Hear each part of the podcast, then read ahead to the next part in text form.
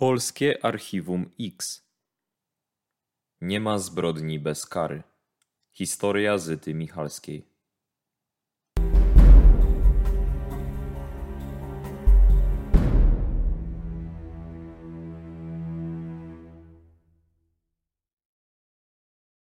W niedzielę wielkanocną rodzina Michalskich je wspólnie śniadanie. Potem razem idą na mszę do salki katechetycznej. Mikuszewo to niewielka wieś w województwie wielkopolskim niedaleko Wrześni. Mieszka tu kilkuset mieszkańców, jest remiza strażacka, sklep. Kościoła brak, dlatego wierni spotykają się w salce katechetycznej. Po mszy rodzina Michalskich wraca do rodzinnego domu. Dwudziestoletnia Zyta do Mikuszewa przyjechała kilka dni wcześniej. Jej rodzice prowadzą tu gospodarstwo, a jej młodsza siostra, która z nimi mieszka, chodzi do technikum rolniczego. Zyta zdała maturę rok wcześniej i postanowiła, że wyjedzie do Poznania. Tam pomieszkuje u ciotki. Nie studiuje, bo sama do końca nie wie, jaki kierunek wybrać. Rodzice nie naciskają na córkę. Zyta zapisuje się na kurs angielskiego, ale później z niego zrezygnuje. Nie pracuje, pobiera zasiłek dla bezrobotnych. Jest typem artystycznej duszy. Kiedy Zyta wraca po mszy do domu, zaczyna rozwiązywać krzyżówki. Jej mama i młodsza siostra udają się na popołudniową drzemkę, a tata siedzi na zewnątrz, niedaleko domu. Jest 3 kwietnia 1994 roku. Po godzinie 15 Zyta wychodzi na spacer. To wiemy z sądowych akt. Sąsiadka dostrzeże, iż idzie w kierunku lasu. Kobieta będzie ostatnią osobą, która będzie widzieć dziewczynę żywą. Z dokumentów wynika, że dziewczyna poszła do lasu w poszukiwaniu wiosennych kwiatów. Ubrana była w spodnie w kolorze ciemnofioletowym, które zapinało się z przodu na guziki i zamek błyskawiczny. Miała na sobie ubrany szary wełniany sweter, a na niego zarzuconą zieloną kurtkę. Waldemar B. mieszka razem z mamą i bratem w niewielkiej wiosce oddalonej o kilka kilometrów od rodzinnego domu Zyty. Mężczyzna ma 26 lat i pracuje w szwalni. Ma dwie siostry i brata, ale ich relacje można określić jako chłodne. Młody chłopak ma problemy z alkoholem, podobnie jak jego ojciec. Kiedy Waldemar był mały, rodzice byli wobec niego agresywni. Często unikał szkoły, bo jego ciało było całe posiniaczone. Skończył zawodówkę, a potem zapisał się do technikum, ale go nie ukończył. Waldemar B. miewa wybuchy agresji i nie radzi sobie z emocjami. 3 kwietnia 1994 roku, po kolejnej kłótni z bliskimi, wsiada na rower i rusza do pobliskiego lasu. Maciej do domu Michalskich dociera około godziny 16. To chłopak Zyty. Studiuje na Politechnice w Poznaniu na drugim roku. Para poznała się kilka lat wcześniej podczas wspólnego wyjazdu w Bieszczady. Na początku byli znajomymi, a z biegiem czasu luźna znajomość przerodziła się w coś więcej. W niedzielę wielkanocną para ma iść razem do kolegi Macieja. Jego znajomy następnego dnia ma jechać do Niemiec. Maciej nie zastaje w domu jednak Zyty. Razem z jej młodszą siostrą idą jej poszukać do lasu, jednak po jakimś czasie rezygnują i wracają. Liczą, że Zyta za jakiś czas sama wróci do domu. Tak się jednak nie dzieje. Z sądowych akt 4 kwietnia 1994 roku ojciec pokrzywdzonej, Waldemar Michalski, zgłosił się do komisariatu policji, informując o zaginięciu córki Zyty Michalskiej. Tego samego dnia mieszkańcy okolicznych miejscowości wzięli udział w penetracji lasu. Zwłoki córki przykryte kurtką znalazła jej mama. Na głowie dziewczyny była zaschnięta krew, a na szyi ciemna bruzda. Ktoś rozpiął i opuścił jej spodnie. Koszula i biustonosz były podciągnięte powyżej piersi. Późniejsze badania wykażą jednak, że dziewczyna nie została zgwałcona.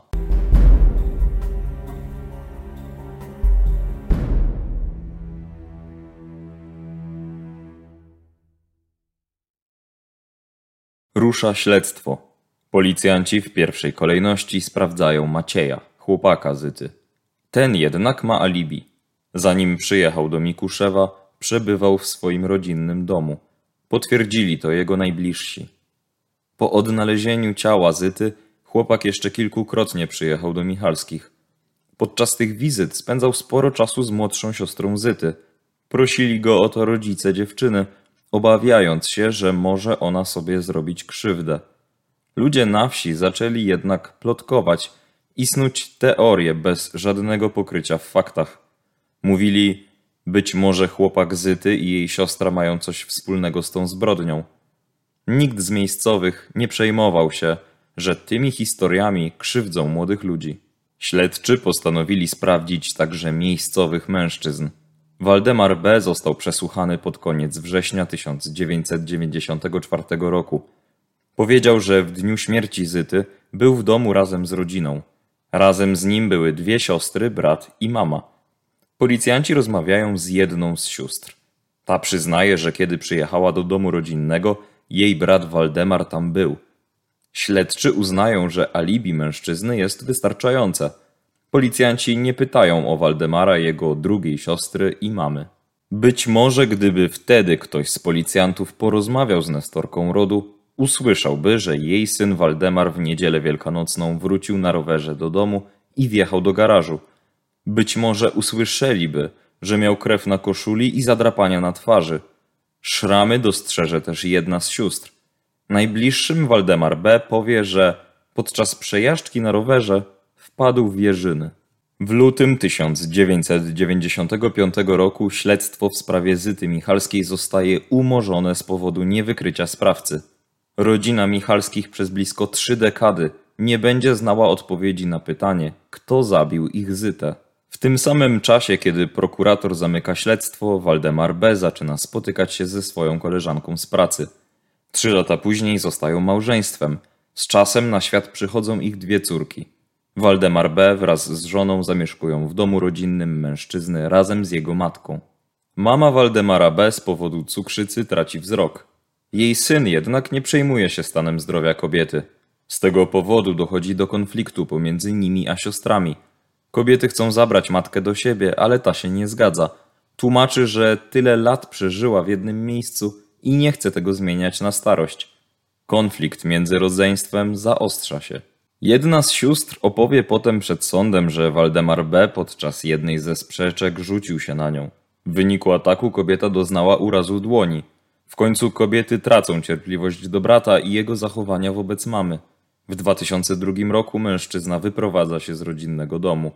Mama mężczyzny jakiś czas później trafia do szpitala i kilka miesięcy później umiera. Waldemar B. osiada ostatecznie w Pałczynie. To niewielka wieś w Wielkopolsce niedaleko Wrześni. Wraz z rodziną zamieszkuje tam w piwnicy domu jednorodzinnego, który został przerobiony na mieszkania. W pomieszczeniu znajduje się niewielka kuchnia, łazienka i jeden wspólny pokój. Rodzina utrzymuje się z pensji Waldemara B., który jest malarzem konstrukcji stalowych. W 2019 roku troje policjantów z poznańskiego archiwum X przegląda akta starych spraw, w tym dokumenty sprawy Zyty Michalskiej.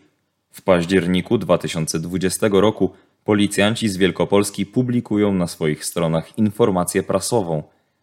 Funkcjonariusze z poznańskiego archiwum X poszukują świadków zbrodni, do której doszło w 1994 roku w Mikuszowie. Zamordowana tam została dwudziestoletnia Zyta Michalska.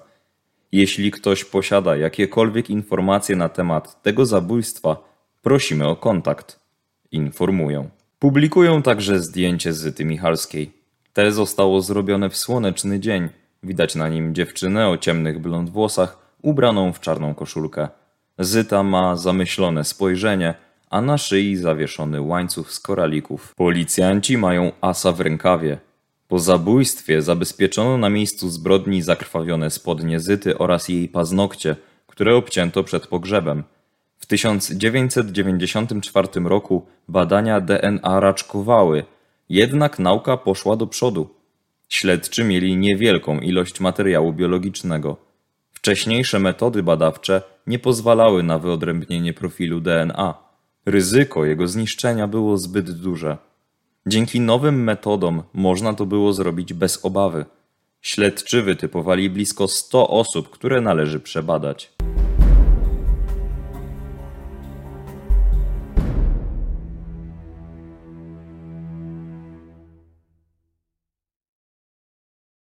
Tymczasem informacje o powrocie do sprawy podają media. Policjanci nie muszą długo czekać. Telefony w komendzie rozdzwaniają się. W grudniu 2020 roku śledczy otrzymują informację o tym, że z zabójstwem może mieć coś wspólnego Waldemar B. Śledczy rozpoczynają działania operacyjne wobec mężczyzny. Chodzi o to, by zdobyć jego DNA, aby móc je porównać z DNA sprawcy zabezpieczonym w 1994 roku. Śledczym udaje się zabezpieczyć cztery niedopałki papierosów. Badania DNA dają zgodność. 14 grudnia 2020 roku Waldemar B. zostaje zatrzymany w domu. Zostaje pobrany od niego materiał biologiczny i wysłany do badania.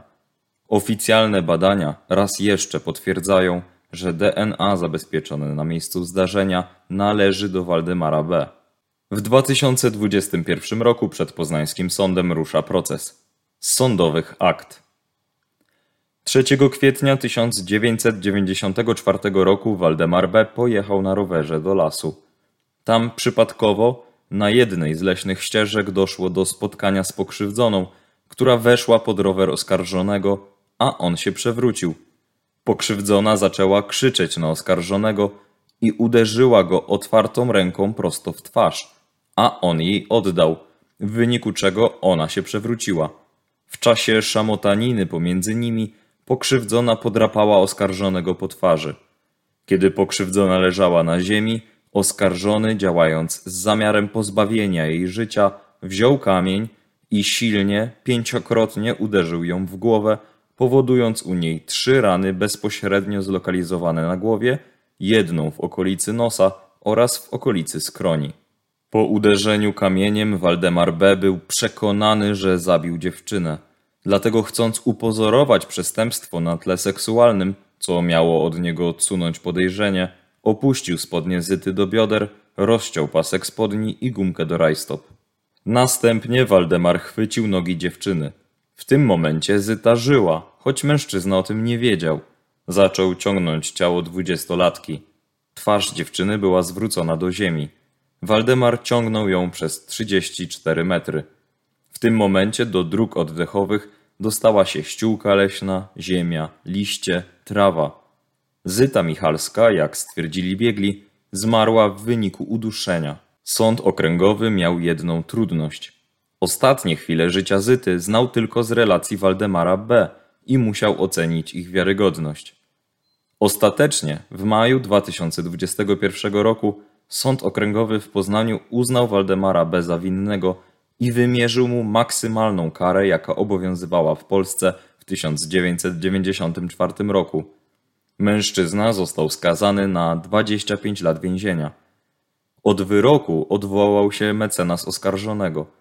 W styczniu 2022 roku sąd apelacyjny podtrzymał orzeczenie sądu pierwszej instancji i skazał go na 25 lat więzienia.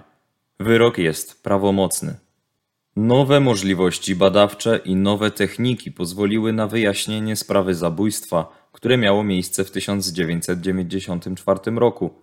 Zabójstwa młodej, dwudziestoletniej kobiety, która w dzień wielkanocny weszła do lasu, żeby zbierać kwiaty, podkreśliła w uzasadnieniu wyroku sędzia Urszula Duczmal.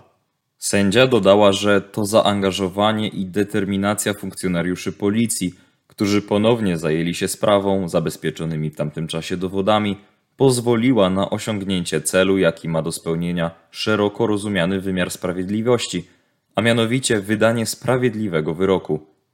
Za taki właśnie sprawiedliwy wyrok sąd odwoławczy uznał wyrok sądu pierwszej instancji, skazując oskarżonego Waldemara B. za zbrodnię zabójstwa na karę 25 lat pozbawienia wolności, podkreśliła sędzia.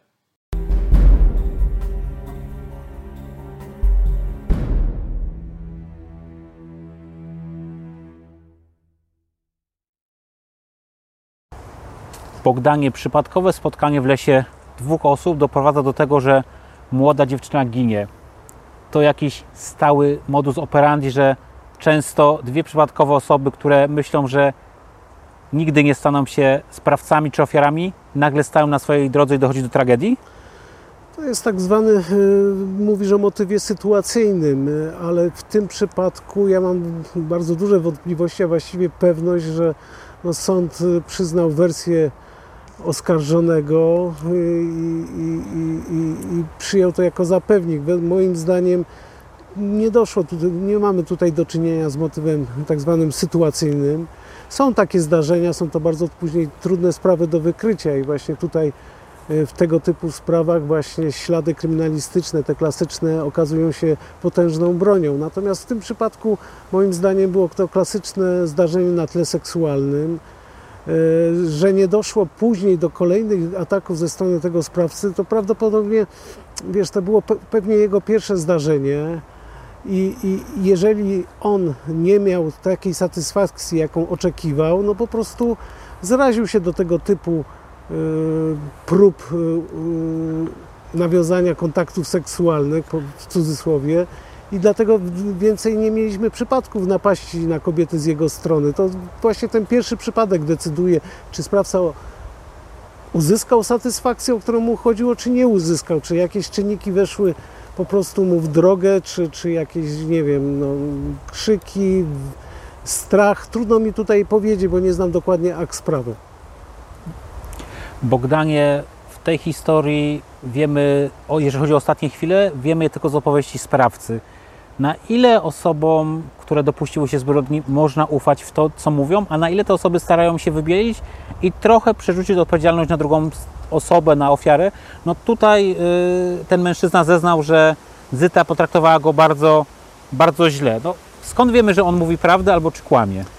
Oczywiście to, na, to powinno być na etapie postępowania przygotowawczego, bardzo do, opracować y, dobre pytania do badań e, wariograficznych i myślę, że sprawny biegły, a to podkreślam, sprawny biegły, bo to musi być biegły z doświadczeniem e, w tego typu sprawach, e, na podstawie badań wariograficznych by jednoznacznie określił, czy ta wersja podana przez tego oskarżonego i później powielana przez sąd była prawdziwą wersją wydarzeń, czy tak naprawdę chodziło jednak o napaść na tle seksualnym. Oczywiście sąd skazał tego człowieka i tutaj to jest takie, takie dywagacje po prostu, które nie mają wpływu. Został skazany za zabójstwo. E,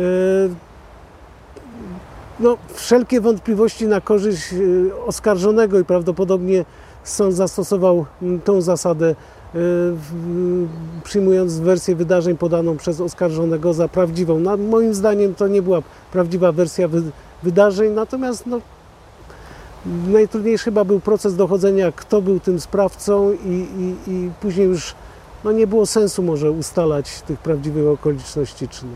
No właśnie, tutaj finał tej sprawy miał miejsce po blisko trzech dekadach. Ty jako policjant y, krakowskiego Archiwum X przez lata miałeś możliwość często doprowadzać sprawy do finału po wielu, wielu latach. Później one w sądzie również się broniły. Jakie to jest uczucie, kiedy po tylu latach łapie się sprawcę, okazuje się, że to on, jest radość? Jak, jakie to są uczucia, jakie emocje? To jest satysfakcja zawodowa, bo to są takie prace pionierskie, można powiedzieć.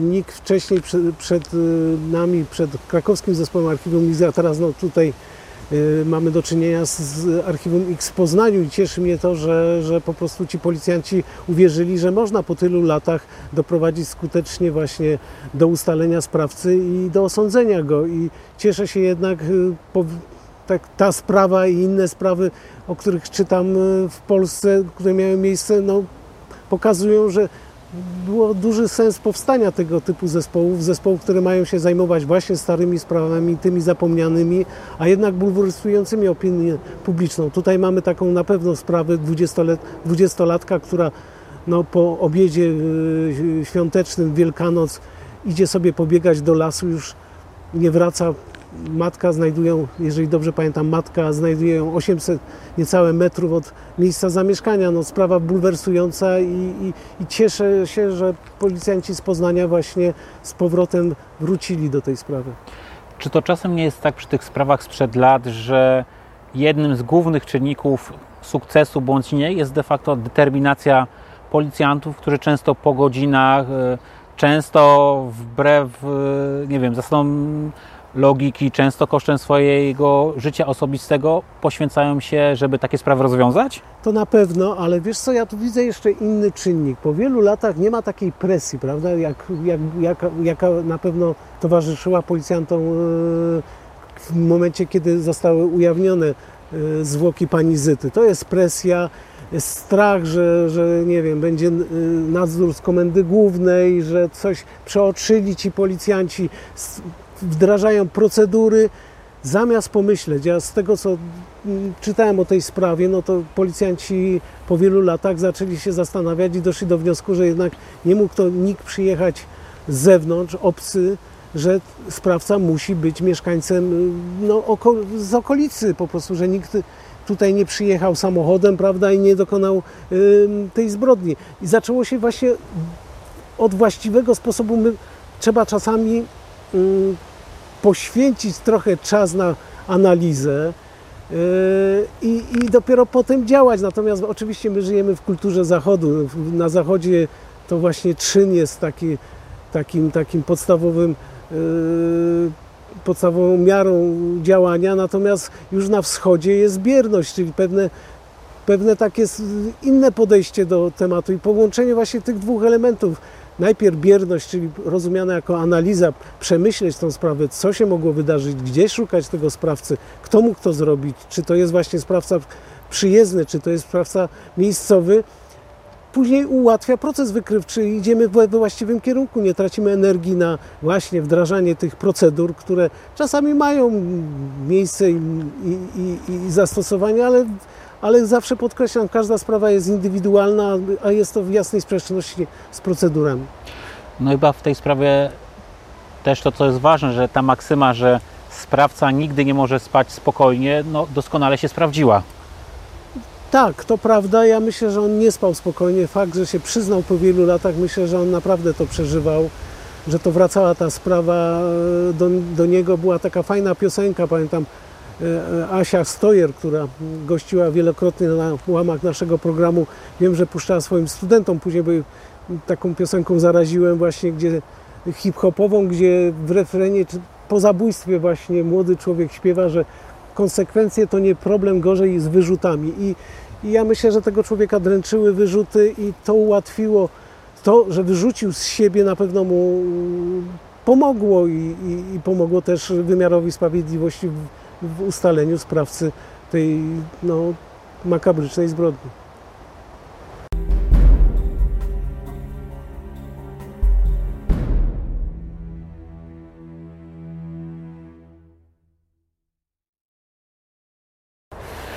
Mariusz, sprawę Zyty udało się rozstrzygnąć po 26 latach. Ty jako policjant Archiwum X przez wiele lat y, rozwiązywałeś takie sprawy. Jakie to jest uczucie dla policjanta, który po tylu latach doprowadza do finiszu tak brutalnego morderstwa? No na pewno wykrycie takiej sprawy po upływie tylu lat y, jest y, satysfakcją dla całego zespołu, który pracuje nad taką sprawą. Tutaj możemy i musimy y, pochwalić policjantów y, z poznańskiego Archiwum X, którym się udało tą sprawę wyjaśnić po tylu latach. Y, Była to bardzo bulwersująca sprawa, niewykryta przez wiele, wiele lat. Zginęła młoda dziewczyna w kompleksie leśnym. Tutaj patrząc na tą sprawę można też dojść do takiego wniosku, że z perspektywy teraz z tego co wiemy o tej sprawie, że to co wielokrotnie powtarzamy w naszym y, kanale, y, powrót do tego typu spraw, y, próba ustalenia nowych okoliczności powoduje to, że takie sprawy kończą się sukcesem. Tutaj dla wszystkich było niezrozumiałym od początku prowadzenia tego śledztwa, że dziewczyna wychodzi ze swojego domu, udaje się na spacer i nagle ginie. Mogliśmy tu brać pod uwagę takie okoliczności, że jednak y, w, tam, w tamtym miejscu, w tamtym kompleksie leśnym y, no, mogła spotkać kogoś, kto zupełnie przypadkowo dokonał tego zabójstwa. E, Tutaj patrząc na e, całe miejsce zdarzenia, miejsce ujawnienia zwłok, które wskazywało tło seksualne, można było przypuszczać, że być może dokonał tego ktoś przypadkowy. Jednak tutaj w całokształcie tej sprawy jest y, wykonane wiele czynności y, wtedy przez policjantów i tutaj możemy powiedzieć, że te czynności wtedy, co wielokrotnie e, powtarzamy tutaj, y, przedstawiając różne sprawy na naszym kanale, spowodowały to, że jak się okazało, późniejszy zatrzymany teraz sprawca i osądzony jednak e, w aktach tej sprawy się przewijał, bo wtedy zaraz po zdarzeniu, kiedy te zwłoki zostały ujawnione, policjanci wykonali bardzo dobrą pracę i jednak e, rozpytywano miejscowe osoby. E, Te rozmowy były prowadzone z okolicznymi mieszkańcami. Jak się potem okazało, sprawca, który dokonał tego czynu, y, był wtedy brany pod uwagę przez policję, jednak y, no, jego alibi zostało przyjęte, że nie mógł tego dokonać i potwierdzone i w tym momencie ta sprawa została w tamtym okresie zamknięta.